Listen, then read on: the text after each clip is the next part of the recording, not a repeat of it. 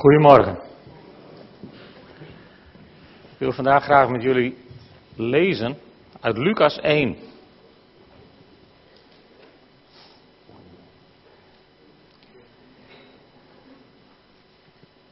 Lucas 1.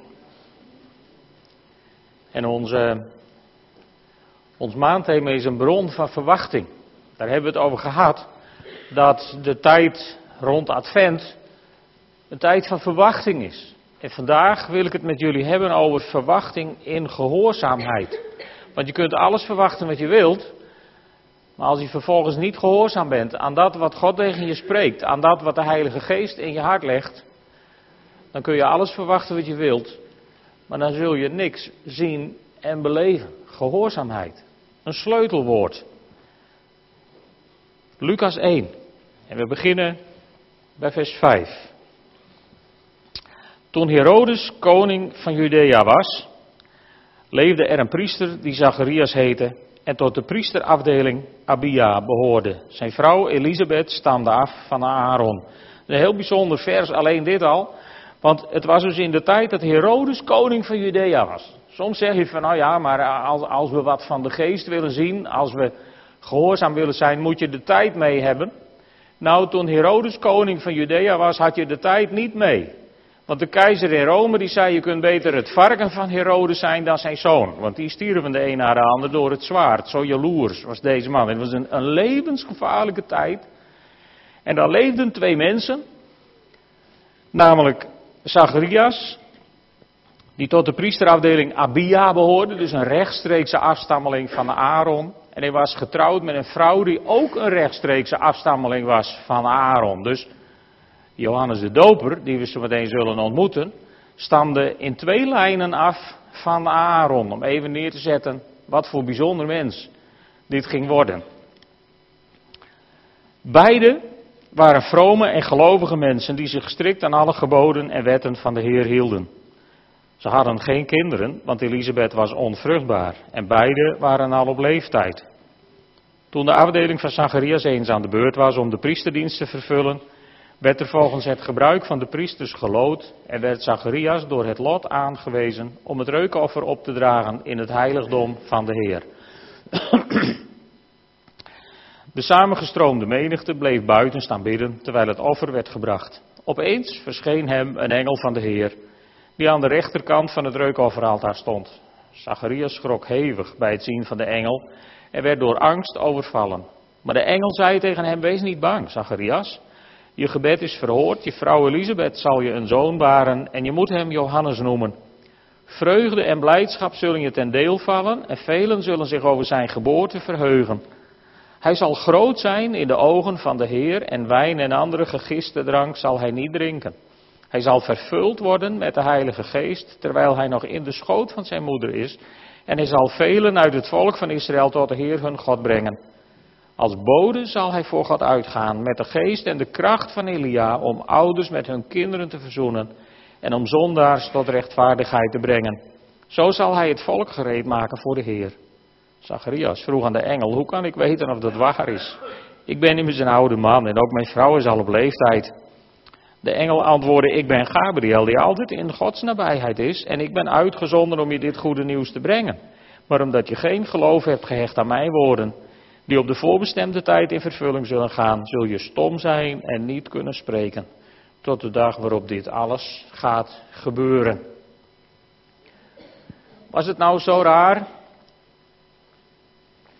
dat Zacharias dit niet helemaal snapte? Nee, zult u misschien denken, maar het antwoord is ja. Zacharias stamde af uit de rechtstreekse lijn van Aaron. Als Joods jongetje mocht hij naar school. En op de Joodse school leren de Joodse jongetjes lezen en schrijven uit de Torah. Dus die kenden ze nagenoeg uit hun hoofd. Als priester in opleiding had hij de hele Torah zeker uit zijn hoofd moeten leren. En had hij alle wetten en profetieën van God uitvoerig onderwezen gekregen. Dus toen die engel daar stond en die, ik geef toe, die kwam op een ongelukkig moment. Want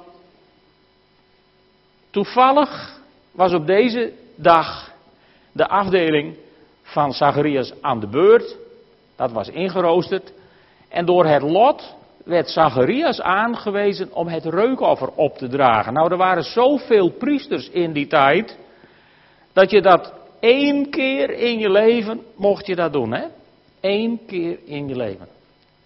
Er zijn dagen waarop je graag een engel wilt zien en graag een woord van God zou willen ontvangen van Gabriel hoogstpersoonlijk. Maar af en toe is er ook één zo'n dag waarop je denkt, nu even niet. Die ene dag van je leven, hè. Dus ik kan me voorstellen dat Zacharias even overrompeld was van, met, misschien wel met de gedachte, moet, moet het nou uitgerekend vandaag? En toen kreeg hij dat woord van die engel. En dat woord van die engel, wat inhield dat hij zou uitgaan met de geest en de kracht van Elia, dat had bij Zacharias een belletje moeten doen rinkelen. Want waar wachten ze op? Met z'n allen? Op de?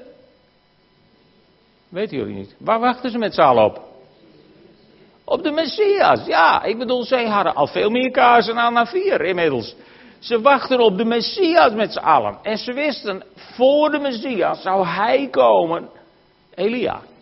Of iemand in de kracht en de geest van Elia. Dus hier had bij, bij Zacharias een belletje moeten gaan rinkelen. En dat deed het niet. Zacharias die, die, die keek even niet op wat hij allemaal geleerd had, maar die keek even op de omstandigheden. En die dacht, mijn vrouw? Mijn vrouw is onvruchtbaar. Staat in de Bijbel, hè? Maar het was maar de vraag wie van de twee natuurlijk onvruchtbaar was. Dat zochten ze niet uit in die tijd, maar de vrouw kreeg gewoon de schuld. Ja, zo werkte dat. En, uh, wat wou ik zeggen? Zijn vrouw was onvruchtbaar en ze waren al op leeftijd, staat er in de Bijbel. Dus dan weten we niet precies hoe oud of ze waren, maar uit de tekst mag je opmaken dat ze in ieder geval op de leeftijd waren dat Elisabeth niet meer zwanger zou kunnen worden. Goed, en daar had Zacharias een probleem mee. En dan zul je zeggen, wat heeft dit verhaal nou met gehoorzaamheid te maken? Nou, meer dan je misschien denkt. Het begint al met de vermelding dat Elisabeth onvruchtbaar was. En onvruchtbaarheid werd in die tijd rukzichtloos verbonden met ongehoorzaamheid aan God. En dat baseren we op Deuteronomium 28. Welvaartspredikers van onze dagen zijn erg gek op Deuteronomium 28. Met de boodschap van als je maar precies doet wat daar staat, dan ga je dus al die zegeningen ontvangen. Kun je gewoon aan de kassa draaien en incasseren. Maar Deuteronomium 28 is een collectieve profetie voor volksgedrag en niet voor individuen. Nou is dat misschien als Nederlander ook niet een leuk verhaal, maar goed, het gaat over volksgedrag. En wat staat daar, let op, Mozes sprak, Deuteronomium 28 vers 1, Mozes sprak, als u de Heer uw God gehoorzaam bent en al zijn geboden, zoals ik ze u vandaag heb voorgehouden, zorgvuldig naleeft, zal hij u hoog boven alle andere volken op aarde verheffen. En omdat u hem gehoorzaamt, en hier komt dus de gehoorzaamheid in beeld, zullen u deze zegeningen toevallen. Gezegend zult u zijn in de stad en gezegend op het land. Gezegend is de vrucht van uw schoot, de vrucht van uw land en de vrucht van uw vee, de dracht van uw runderen, schapen en geiten. Gezegend is de oogst die u binnenhaalt en het deeg dat u kneedt. Gezegend zult u zijn in uw komen en uw gaan. Wauw. Vers 15. Maar als u de Heer uw God niet gehoorzaamt en zijn geboden en wetten zoals ik ze u vandaag heb voorgehouden niet nauwkeurig naleeft, zullen deze vervloekingen u treffen. Vervloekt zult u zijn in de stad en vervloekt op het land.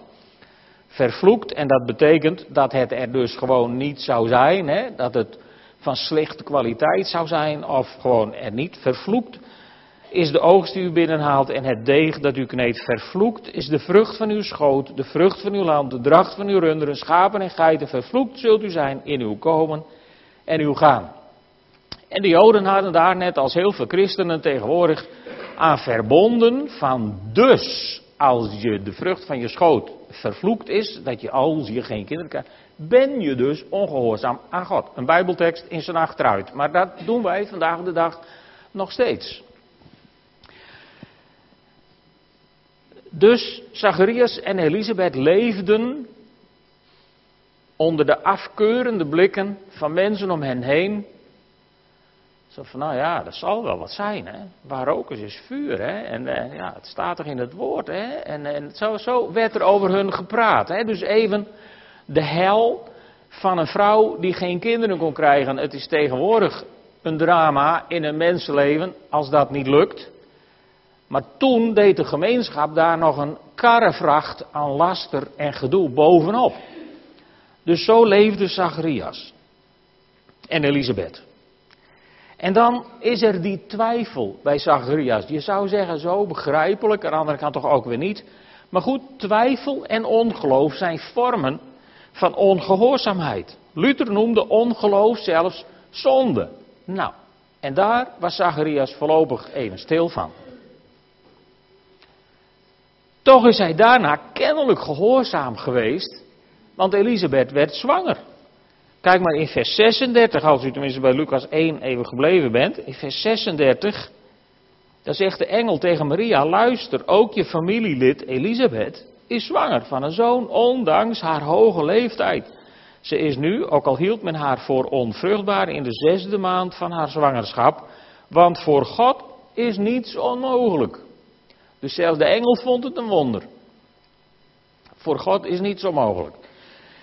En als dan de baby er is, dan is iedere verdenking van ongehoorzaamheid aan God van deze twee oude mensen afgevallen.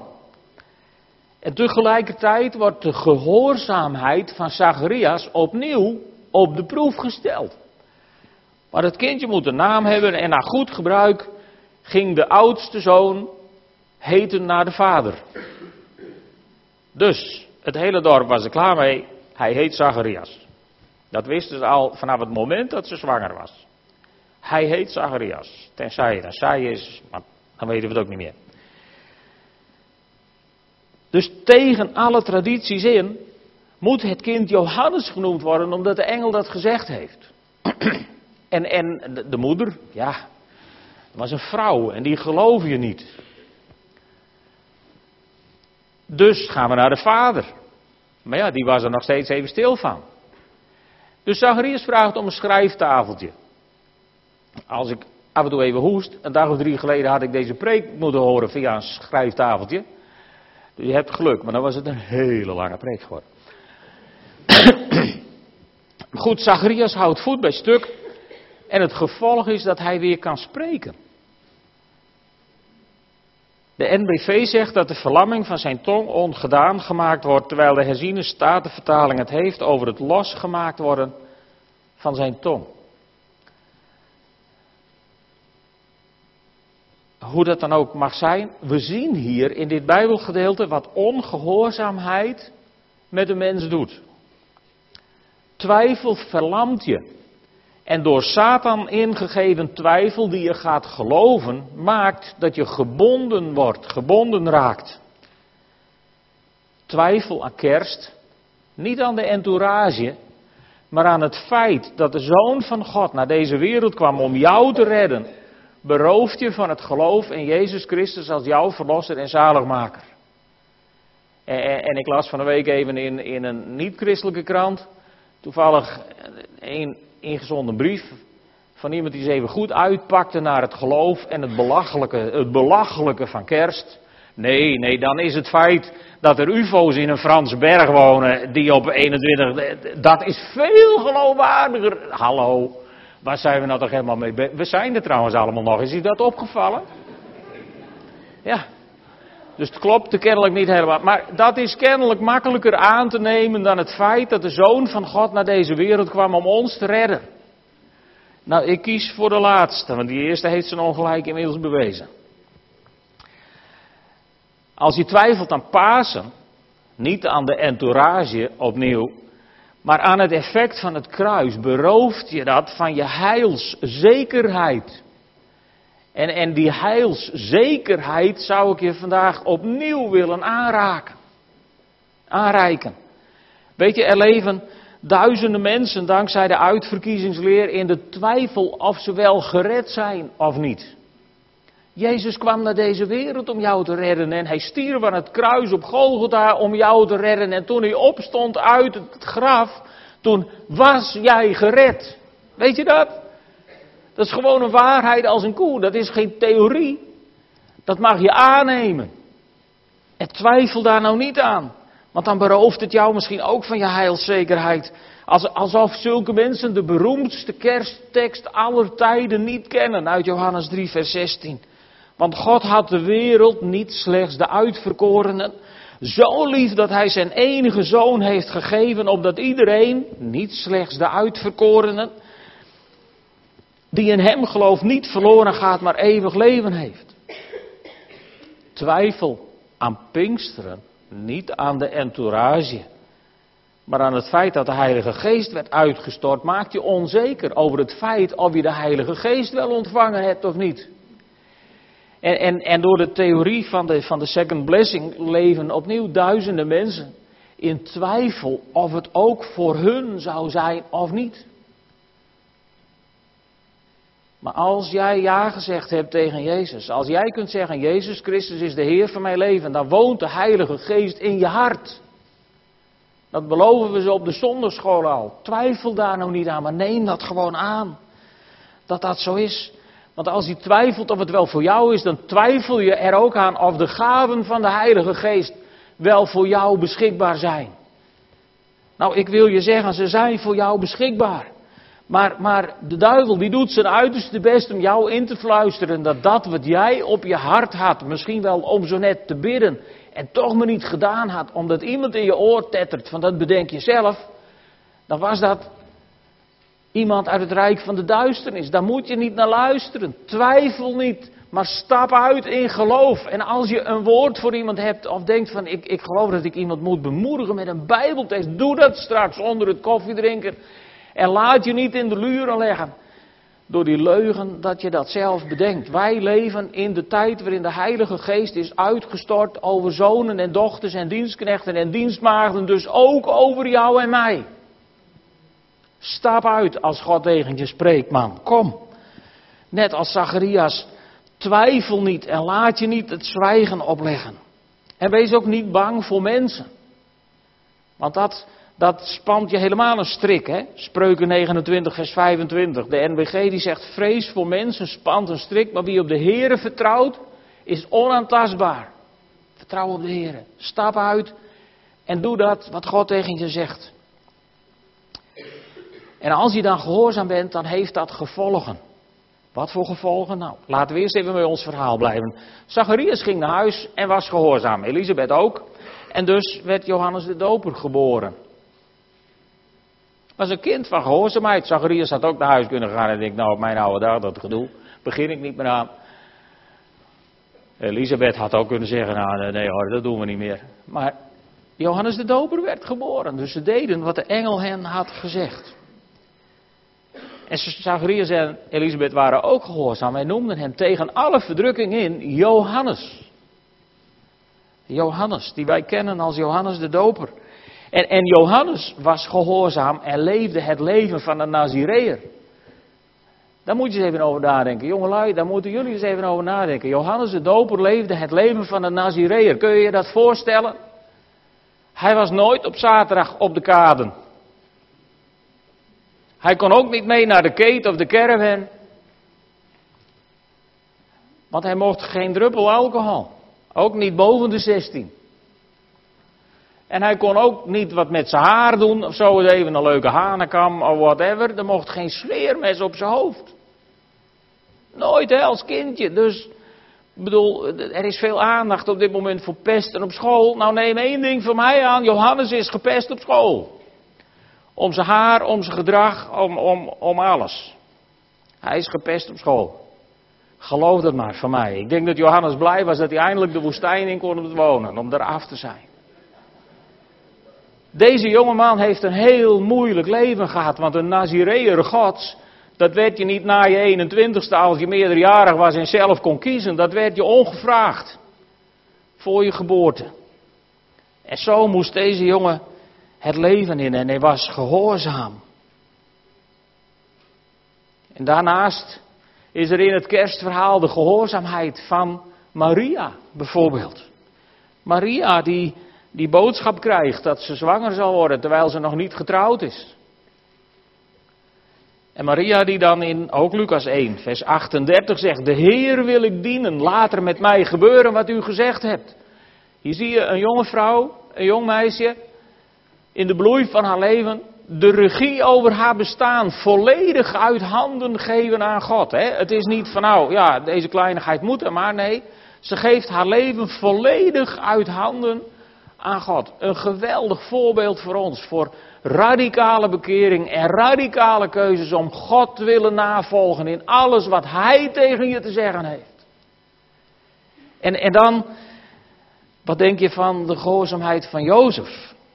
Daar lees je over in Matthäus 1. Een paar versen wil ik even met jullie delen. Matthäus 1, vanaf vers 18. De komst van Jezus Christus was als volgt. Zijn moeder Maria was al uitgehuwelijkt aan Jozef, maar nog niet, die nog niet bij hem woonde. Nee, maar nog niet bij hem woonde, bleek ze zwanger te zijn door de Heilige Geest. Haar man Jozef, die een rechtschapen mens was, wilde haar niet in opspraak brengen en dacht erover in het geheim haar te verstoten. Toen hij dit overwoog, verscheen hem in een droom een engel van de Heer, alweer, hè, die hadden het druk.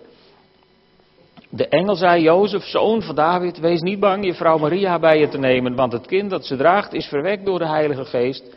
Ze zal een zoon baren, geef hem de naam Jezus, want hij zal zijn volk bevrijden van hun zonden. Dit alles is gebeurd opdat in vervulling zou gaan wat bij monden van de profeet door de Heer is gezegd.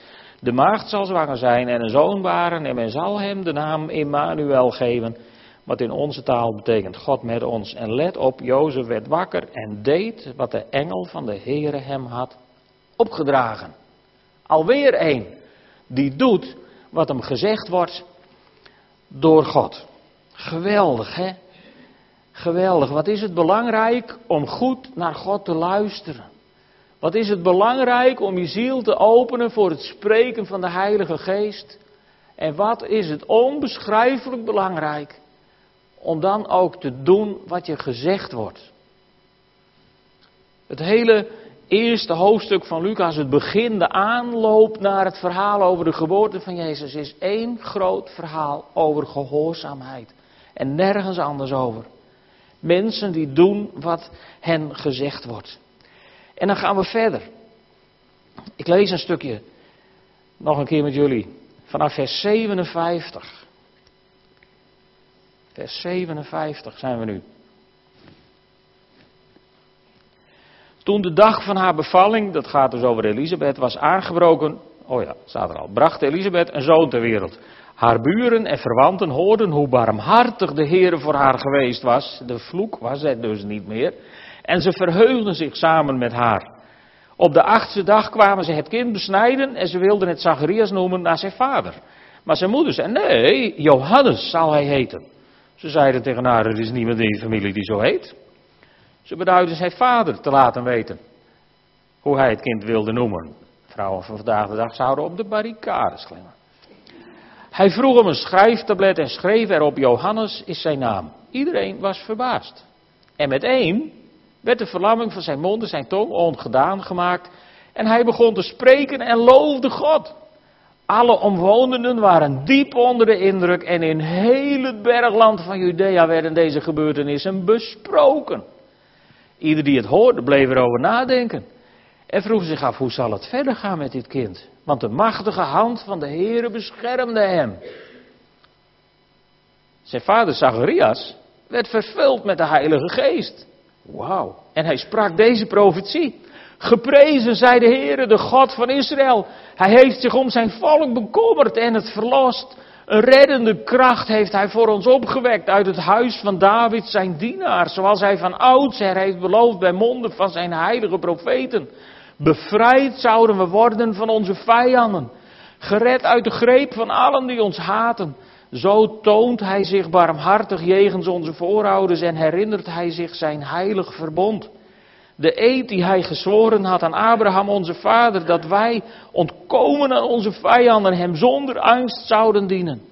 Toegewijd en oprecht, in altijd levend in zijn nabijheid. En jij kind, Jij zult genoemd worden profeet van de Allerhoogste, want voor de Heer zul je uitgaan om de weg voor Hem gereed te maken en om zijn volk bekend te maken met hun redding door de vergeving van hun zonden. Dankzij de liefdevolle barmhartigheid van onze God zal het stralende licht uit de hemel over ons opgaan en verschijnen aan allen die leven in duisternis en verkeren in de schaduw van de dood, zodat we onze voeten kunnen zetten op de weg van de vrede. Het kind groeide op en werd gesterkt door de geest. Johannes leefde in de woestijn tot de dag aanbrak waarop hij zich kenbaar maakte aan het volk van Israël. Gevolgen van gehoorzaamheid. Een aantal haal ik even met jullie uit dit Bijbelverhaal. Om te beginnen hoefden Zacharias en Elisabeth niet meer onder de vloek te leven van de onvruchtbaarheid. Die vloek werd van hun weggenomen doordat ze gehoorzaam waren. Vervolgens was er bevrijding en genezing. Zacharias werd bevrijd van de gebondenheid van zijn tong die hij had opgelopen door niet te willen luisteren naar de engel. Hij werd genezen en kon weer praten. Het derde is, vers 65, dat er over gesproken werd.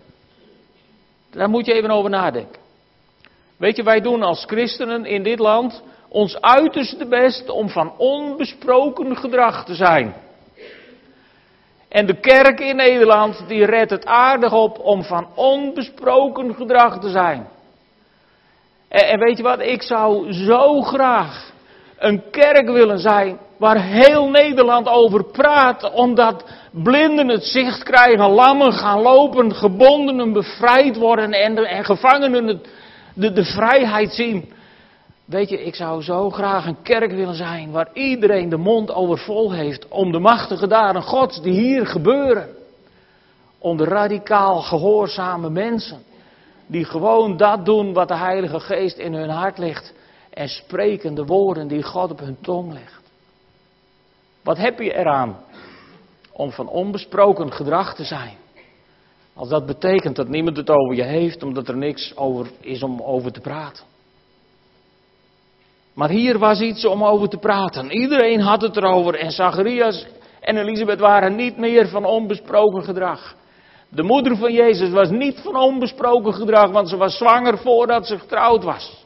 En Jezus zelf is geen seconde van onbesproken gedrag geweest. Zelfs het moment van zijn conceptie was er al drukte over. En na zijn opstanding is dat nooit veranderd. Tot op de dag van vandaag is Jezus een omstreden figuur, niet van onbesproken gedrag. En ik ben ervan overtuigd dat christenen die van volstrekt onbesproken gedrag zijn, omdat niemand het de moeite waard vindt om het over je te hebben. Daar moet je maar eens over nadenken. Volg ik dan Christus in alles wat Hij van ons zou willen?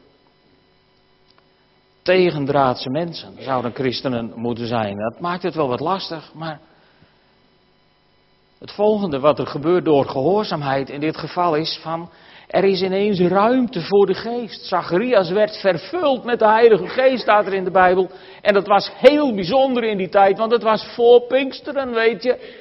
De Heilige Geest was nog niet uitgestort. Maar Zacharias werd vervuld met de Heilige Geest en hij profeteerde. Dat waren ze ook niet gewend, want de laatste profeet was ver uit het Oude Testament, honderden jaren geleden.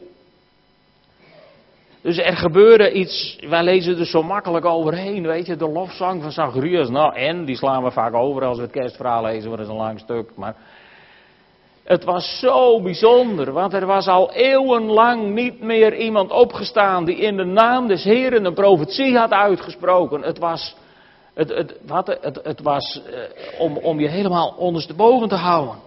Wat er gebeurde. Ruimte voor de geest. En, en wat deed de geest? Nou, die begon met lofprijs en aanbidding. Zacharias die verheerlijkte God op een geweldige manier. Het begin van de lofzang van Zacharias is, is, is een van de prachtigste opwekkingsliederen uit de Bijbel. Misschien moet hij nog naar de bundel, maar dat doet er niet toe. Het is een prachtig stuk verheerlijking van de naam van onze God. Lofprijs en aanbidding. Ook een, een gevolg van gehoorzaamheid is dat je bevrijd zult worden van je vijanden. Je moet God opletten. Ik heb Jan Sjoerd Pasterkamp dit eens een keer heel mooi horen uitleggen. Dat hij zegt van luister eens vrienden. Als hij zegt van nou ja, ik heb wat een slechte eigenschap. Daar word je niet van verlost. Als je zegt, het is een slechte gewoonte, daar word je ook niet van verlost. En hij zegt, nou, ik heb nog een probleempje, daar word je ook niet van verlost. Maar als het je vijand wordt, als je het gaat haten met een intense haat, omdat de Heilige Geest je duidelijk maakt dat je ergens mee moet kappen, dan is het je vijand geworden. En God zegt, en dan is hij voor mij. Dan verlos ik je daarvan. Dan help ik je eraf. Door gehoorzaamheid. Verlost van je vijanden. En, en in vers 74, je kunt God gaan dienen zonder angst. Hoeveel mensen zijn er niet bang voor God? Hoeveel mensen zijn er niet bang voor de Heilige Geest? Hoeveel mensen zelfs op het evangelische erf zijn niet doodsbenauwd voor bijvoorbeeld het spreken in tongen? Omdat je de controle kennelijk even niet hebt en wij zijn zulke controlefreaks hier in het Westen met z'n allen. Hoe bang zijn we niet? Nou, je mag God dienen zonder angst. En als de Heilige Geest spreekt tot je hart, als je denkt dat de Geest van God jou iets duidelijk maakt, dan zoekt God mensen die bereid zijn om radicaal gehoorzaam te zijn. Is het dan altijd raak en doeltreffend? Nee. Je zult je vast af en toe vergissen en je zult er vast af en toe naast zitten. Maar ja, weet je, ik, ik schaar mij dan liever in de houding van iemand als, als Willem Ouweneel. Want er was dus een bijeenkomst en dan zeiden een aantal mensen heel vroom van nou wij bidden niet voor zieken, want dat is zo sneu voor de mensen die niet genezen worden. En toen zei Willem Ouweneel, maar stel je nou eens voor dat er wel één genezen wordt. Zou dat niet geweldig zijn? Ja, dat zijn die keuzes. Wil je van besproken of van onbesproken gedrag zijn? Nou, dan maar besproken. Je kunt God dienen zonder angst. In vers 75 zegt Zacharias dat we mogen leven in zijn nabijheid. Toegewijd en oprecht, altijd levend in zijn nabijheid. Weet je nog van de zwaluwen? Nestelen bij Gods altaren. Ik wil je die vraag dan maar opnieuw meegeven. Waar heb jij je nest gebouwd? Bij welk altaar is jouw onderkomen gevestigd?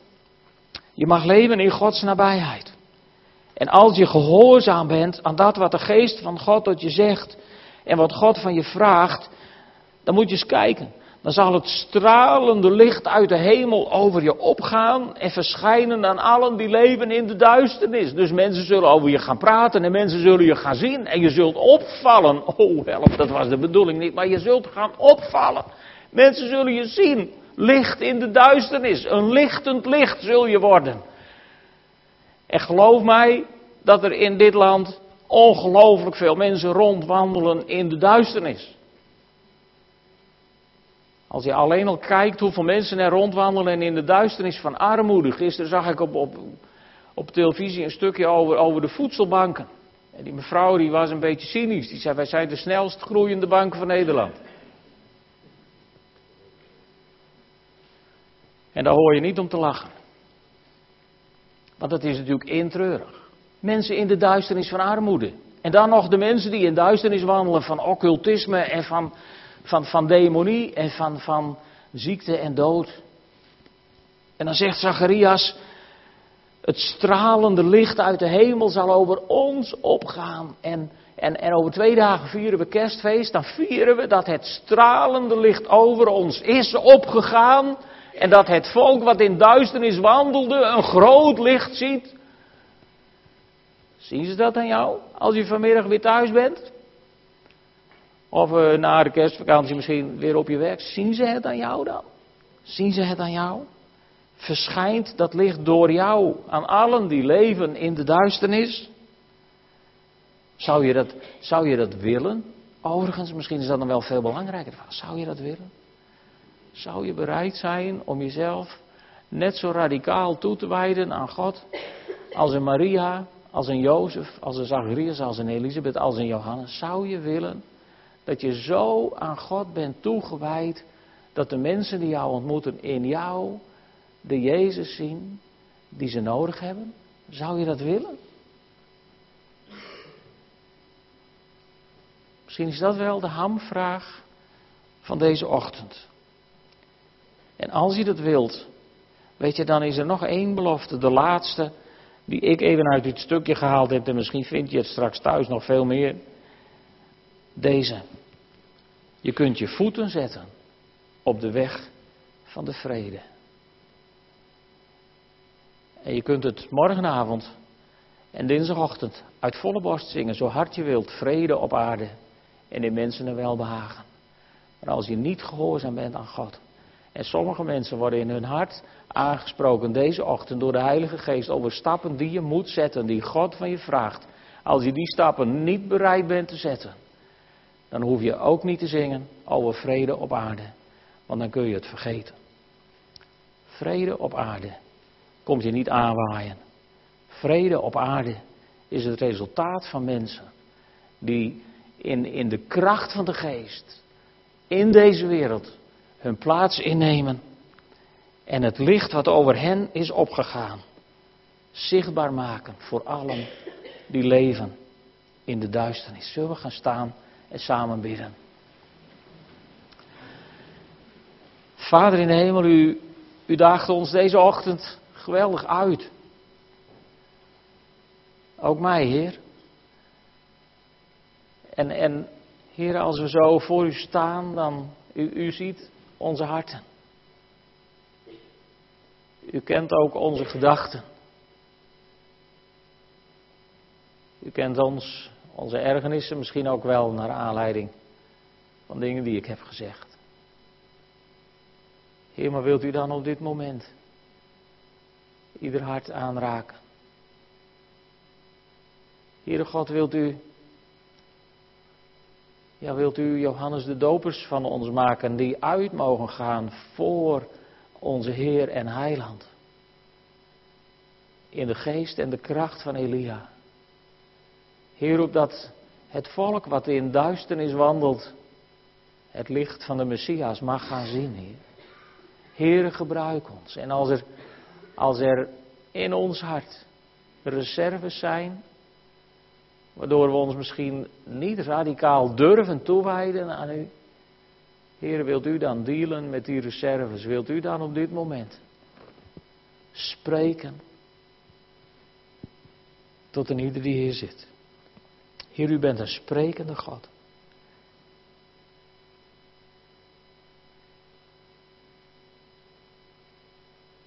En u maakt ons duidelijk welke stappen u van ons wilt. Heer, we hebben hier vier mensen gezien die zo intens gehoorzaam waren. Dat u geboren kon worden op deze aarde.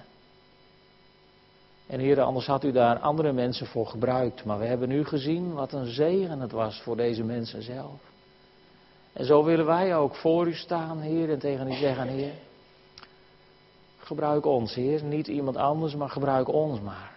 Wij willen voor u beschikbaar zijn. Heere God, in alle gehoorzaamheid, spreek tegen ons en geef ons het lef om te doen wat u tot ons zegt. Opdat we onze voeten mogen zetten op de weg van de vrede. Amen.